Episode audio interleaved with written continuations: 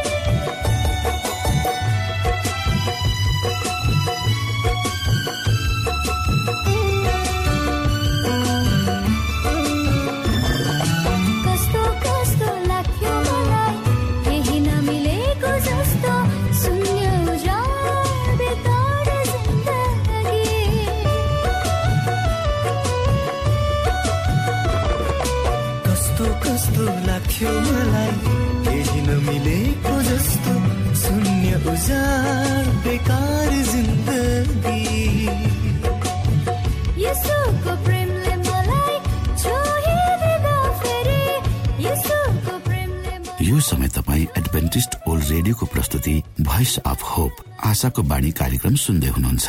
श्रोता मित्र यो समय हामी पास्टर उमेश पोखरेलबाट आजको बाइबल सन्देश सुन्नेछौ। श्रोत साथी न्यानो अभिवादन साथ म तपाईँको आफ्नै आफन्त अर्थात् पास्टर उमेश पोखरेल परमेश्वरको वचन लिएर तपाईँहरूको सामु पुनः यो रेडियो कार्यक्रम मार्फत उपस्थित भएको छु। आउनुहोस् तपाईँ हामी केही समय सँगसँगै परमेश्वरसँग बिताउ र परमेश्वर को हुनुहुन्छ भन्ने कुरो सिक्यौँ सिकौँ र उहाँको आशिषहरू प्राप्त गरौँ। आजको प्रस्तुतिलाई पस गर्नुभन्दा पहिले आउनुहोस् हामी परमेश्वरमा अगुवाईको लागि बिन्ती राख्नेछौँ। जीवी जिउँदो महान दयालु परमेश्वर प्रभु हामी धन्यवादी छौँ। यो जीवन र जीवनमा दिनुभएका प्रशस्त आशिषहरूलाई। प्रभु यो रेडियो कार्यक्रमलाई म तपाईँको हातमा राख्दछु। यसलाई तपाईँको राज्य महिमाको प्रचारको खातिर। यो देश र सारा संसारमा पुर्याउनुहोस्। ताकि धेरै मानिसहरूले तपाईँको ज्योतिलाई चिन्न सक्नुहोस् र तपाईँको राज्यमा प्रवेश गर्न सक्नुहोस्। त्यसबाट तपाईँको महिमा होस्।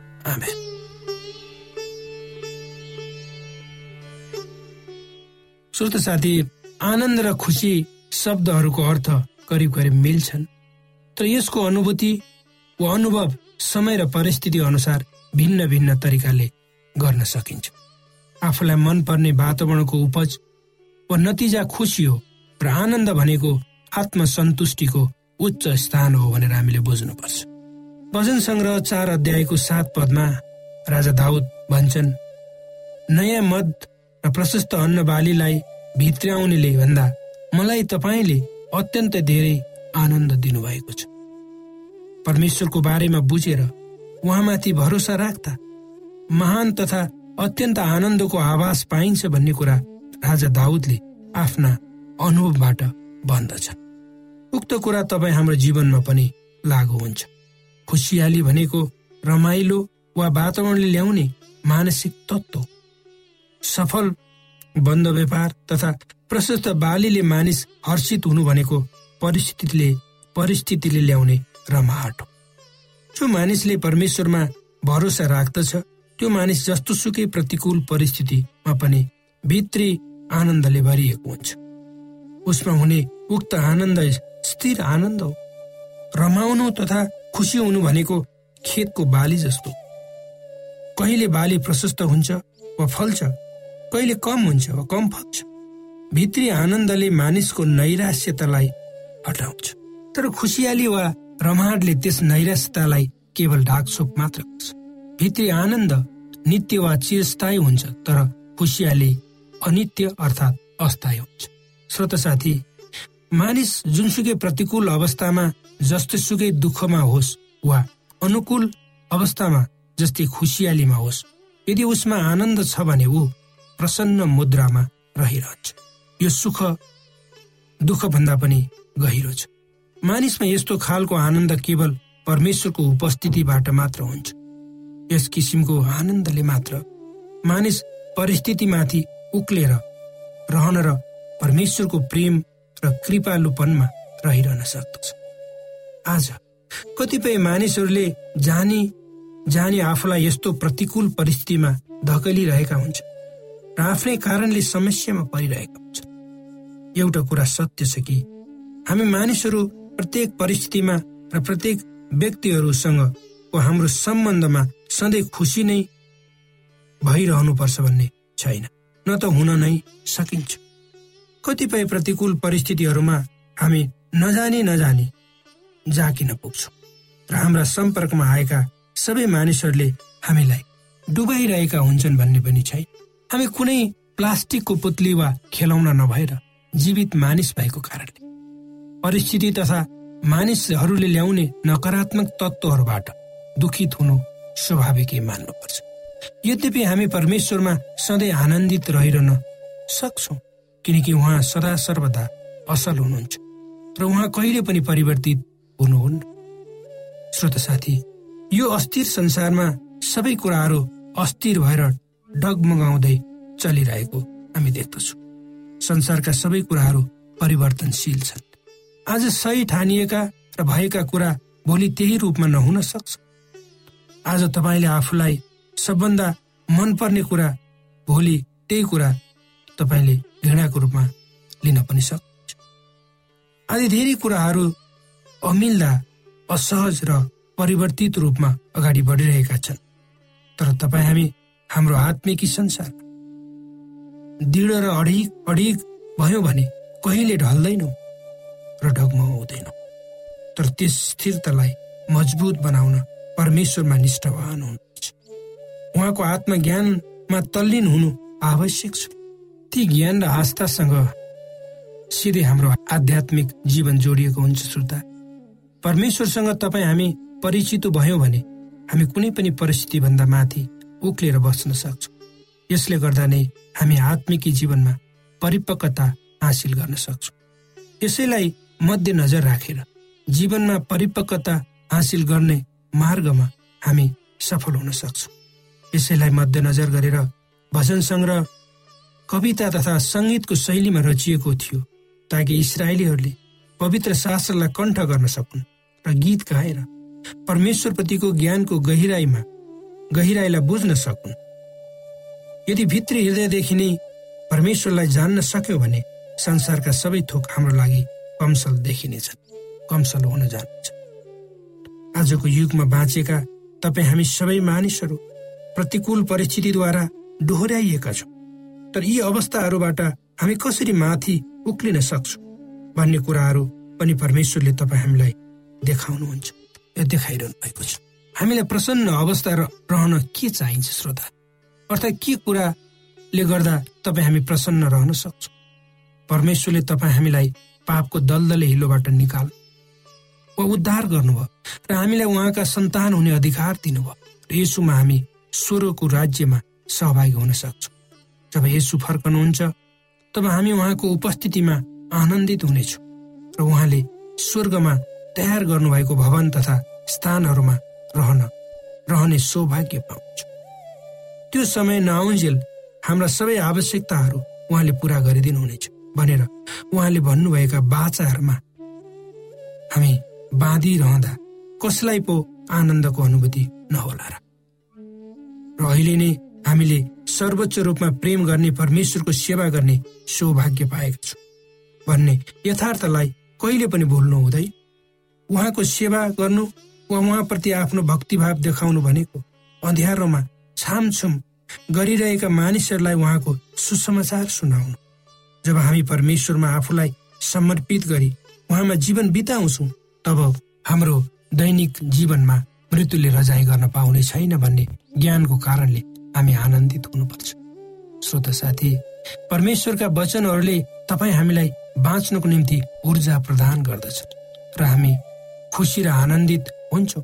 जब हामीले दुःख कष्ट दिगदारीपन नैराश्यता बिमारीहरूसँग निरन्तर सङ्घर्ष नै गरिरहेका हुन्छौँ यो जीवनको यथार्थ जसरी हामी अनेकौं दैविक प्रकोपबाट पार भएर जान्छन् जसरी अनेकौं दैविक प्रकोप पार भएर जान्छन् त्यसै गरी हाम्रो जीवनमा आउने ती प्रतिकूल परिस्थिति पनि पार भएर नै जान्छन्। ती त्रासपूर्ण वातावरणहरूमा कसरी आनन्दित हुने भन्ने कुरा हामीले परमेश्वरबाट सिक्नुपर्छ यसोमा आनन्दित हुने नहुने कुरा हाम्रो रोजाइमा भर पर्छ।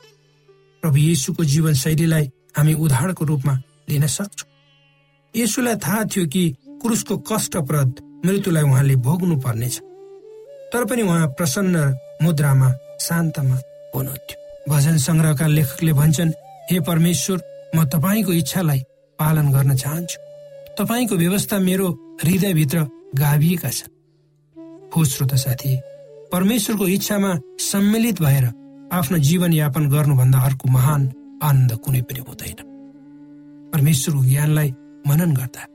आफ्नो विवेकमा ठेस लाग्न सक्छ तर परमेश्वरको इच्छालाई पालन गर्दा मानिस आफ्नो दोषबाट स्वतन्त्र हुन्छ भन्ने कुरालाई हामीले कहिले कदापि बोल्नु हुँदैन। परमेश्वरको आज्ञा उल्लङ्घन गर्दा नै स्वर्गमा युद्धको सुरुवात भयो। त्यसको फलस्वरूप यस पृथ्वीमा पाप र मृत्युले आफ्नो अधिपत्य छ परमेश्वरको इच्छालाई पालन नगर्दा सारा मानिस आज दुःख र कष्टमा छ त्यसकारण परमेश्वरको इच्छालाई पालन गर्दा हाम्रो हृदयमा आनन्दको बिउ पलाउँछन् र उक्त इच्छा पालन गर्ने पहिलो कुरा उहाँमा विश्वास र आस्था हुनुपर्छ। परमेश्वरले यी वचनहरूद्वारा तपाईँलाई आशिष दिनुहोस्।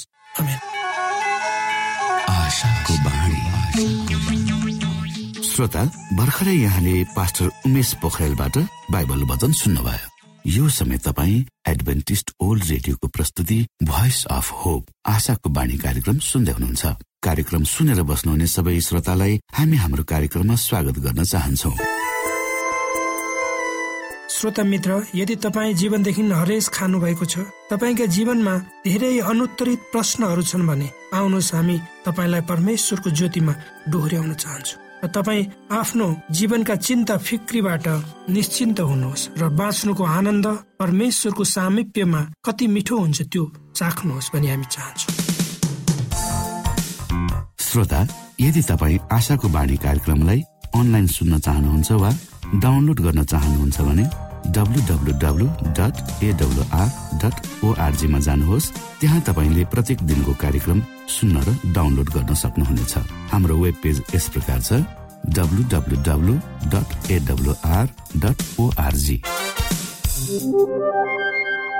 श्रोता यदि तपाईँ हामीसित सिधै फोनमा सम्पर्क गर्न चाहनुहुन्छ भने हाम्रा नम्बरहरू यस प्रकार छन्।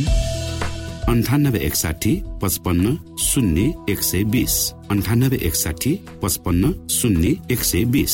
र अर्को अन्ठानब्बे अठार त्रिपन्न पन्चानब्बे पचपन्न। अन्ठानब्बे अठार त्रिपन्न पन्चानब्बे पचपन्न। यो आशाको बाणी रेडियो कार्यक्रम हो। म धनलाल राई यहाँहरूलाई यस कार्यक्रममा न्यानो स्वागत गर्दछु। आजको समसामयिक विषयको प्रस्तुतिका साथ मिना राई।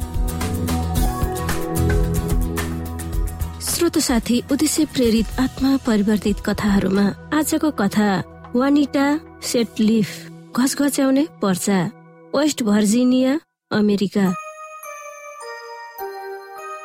श्रोता साथी सातजना दाजुभाइ र दिदीबहिनीहरूमा वानिटा कान्छी थिइन् उनी अमेरिकाको वेस्ट भर्जिनियाको आप्लेसियन माउन्टेनमा रहेको गरिब किसान परिवारमा जन्मिएकी थिइन्। सानोमा उनलाई चर्च जान मन पर्दैन थियो। गर्मीको मौसममा उनकी आमाले प्रत्येक आइतबार छ किलोमिटर हिँडाएर तिनीहरूलाई चर्च लान्थिन्। साँच्चीकै हामी चर्चमा जान चाहेका थिएनौ।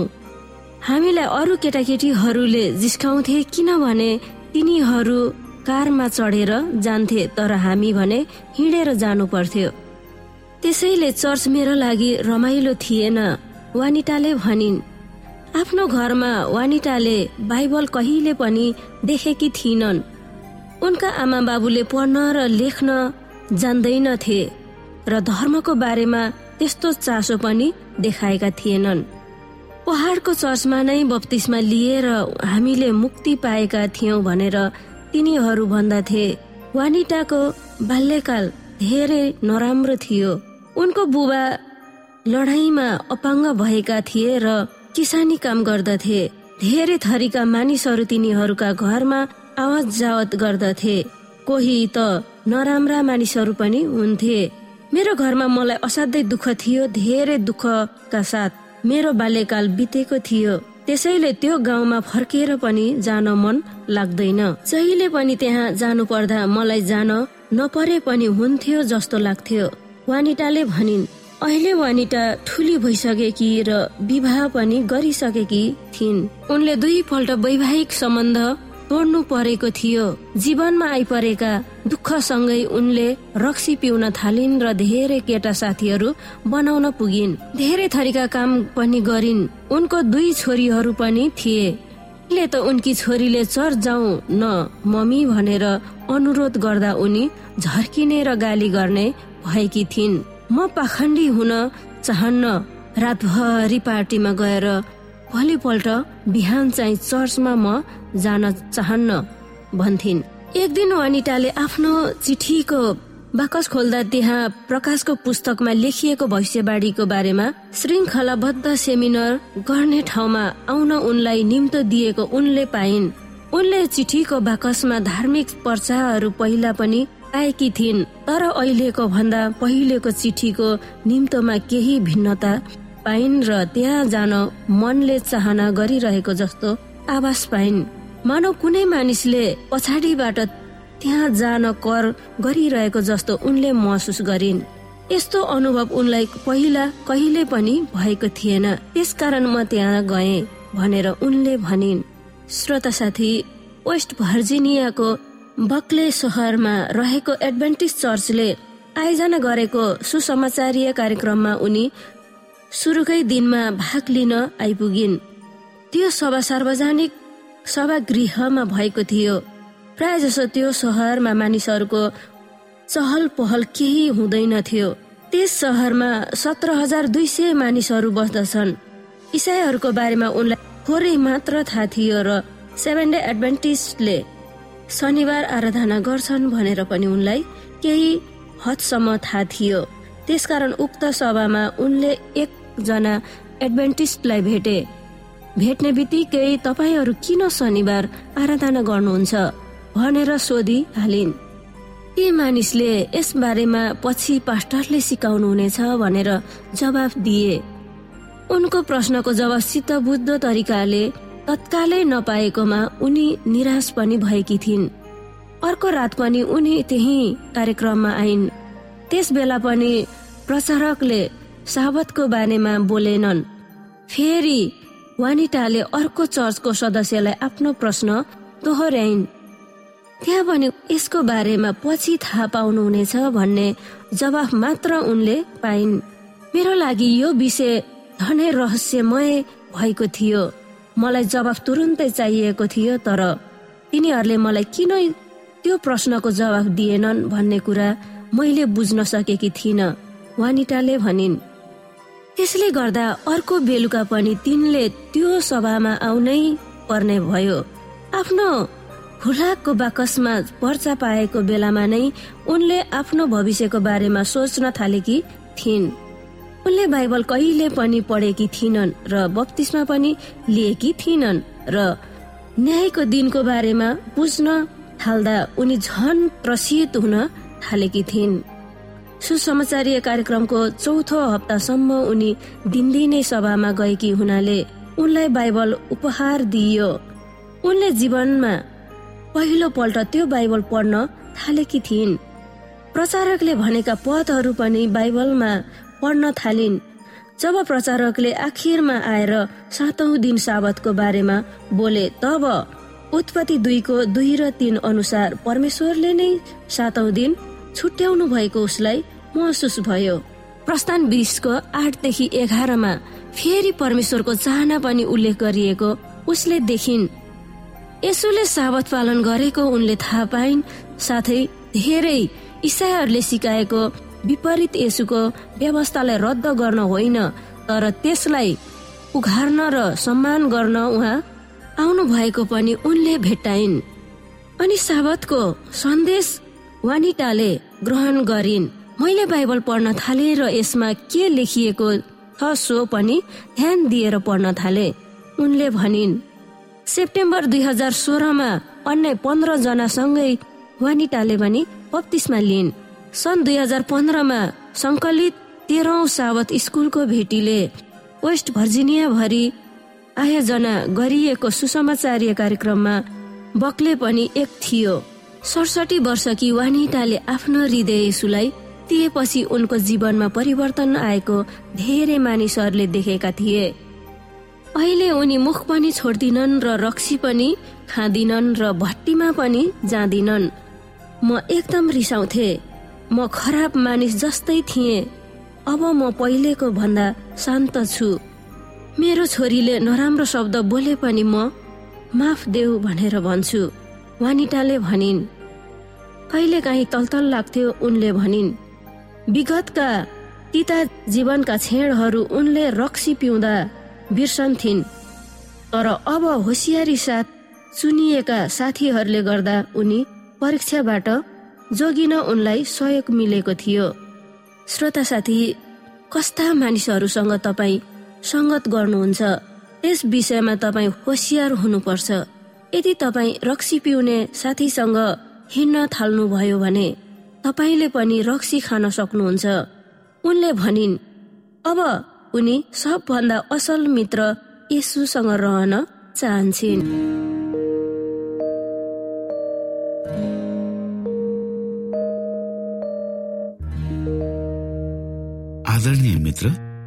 बताएको छ परमेश्वरले तिर्खाकाहरूलाई तृप्त पार्नुहुन्छ र भोकालाई उत्तम पदार्थले सन्तुष्ट पार्नुहुन्छ। हामीलाई दिइएको यो छोटो समय आशाको बाणीको प्रस्तुतिको समयमा हामीले हाम्रा श्रोताको आत्मिक भोकलाई केही मात्रामा भए तापनि सही प्रकारको खोराक पस्केर आत्मिक सन्तुष्टि दिन सकेका छौँ केही ऊर्जा थप्न सकेका छौँ भनेर हामीले आशा राखेका छौँ। आफ्ना मनमा भएका केही दुविधा र शङ्काहरू छन् भने अवश्य हामीसँग बाँडेर शङ्काको निवारण गर्नुहुनेछ र सही प्रकारको बाटो पहिल्याउन सक्नुहुनेछ परमेश्वरको सच्चाइले अझ राम्रो बुझ्न सक्नुहुनेछ र आफ्नो जीवनलाई परमेश्वरमा पूर्ण समर्पित भएर समर्पण सहितको जीवन बिताउन सक्नुहुनेछ भनेर आशा राख्दै अब हामी हाम्रो कार्यक्रम सकिएको जानकारी यहाँलाई गराउन चाहन्छौ। जानुभन्दा अगाडि श्रोता हामी यहाँलाई हाम्रो ठेगानाको विषयमा जानकारी गरौं। हामीसँग पत्राचार गर्ने हाम्रो ठेगाना यस प्रकार छ। आशाको बाणी पोस्ट बक्स नम्बर दुई शून्य शून्य शून्य दुई काठमाडौँ नेपाल। आशाको बाणी पोस्ट बक्स नम्बर दुई शून्य शून्य शून्य दुई काठमाडौँ नेपाल। यसै गरी श्रोता यदि तपाईँ हामीसँग सिधै कुराकानी गर्न चाहनुहुन्छ भने हाम्रो फोन नम्बर यस प्रकार छ। अन्ठानब्बे एकसाठी पचपन्न शून्य एक सय बिस। अन्ठानब्बे एकसाठी पचपन्न शून्य एक सय बिस र अर्को अन्ठानब्बे अठार त्रिपन्न पन्चानब्बे पचपन्न। अन्ठानब्बे अठार त्रिपन्न पन्चानब्बे पचपन्न। हामीलाई इमेल पनि गर्न सक्नुहुन्छ। हाम्रो इमेल एड्रेस यस प्रकार छ Nepal at AWR dot ORG Nepal at AWR dot ORG यदि तपाईँ हामीलाई अनलाइन सुन्न चाहनुहुन्छ वा डाउनलोड गर्न चाहनुहुन्छ भने तपाईँ W W W dot AWR dot ओआरजीमा जानुहोस् र त्यहाँ तपाईँले हाम्रा सबै कार्यक्रमहरू सुन्न सक्नुहुनेछ। हाम्रो वेब पेज यस प्रकार छ W dot AWR dot ORG श्रोता यसमा गएर तपाईँले हाम्रा दैनिक कार्यक्रमलाई सुन्न सक्नुहुनेछ र डाउनलोड पनि गर्न सक्नुहुनेछ। हवस् त श्रोता हाम्रो कार्यक्रम सुनिदिनु भएकोमा एकचोटि फेरि यहाँलाई धन्यवाद दिँदै भोलि फेरि यही स्टेशन यही समयमा यहाँसँग भेट्ने आशा राख्दै प्राविधिक साथी राजेश पास्टर उमेश पोखरेल र कार्यक्रम प्रस्तुता म रवि यहाँसँग विदा माग्दछौ। परमेश्वरले तपाईँलाई धेरै धेरै आशिष दिनु भएको होस्। नमस्कार।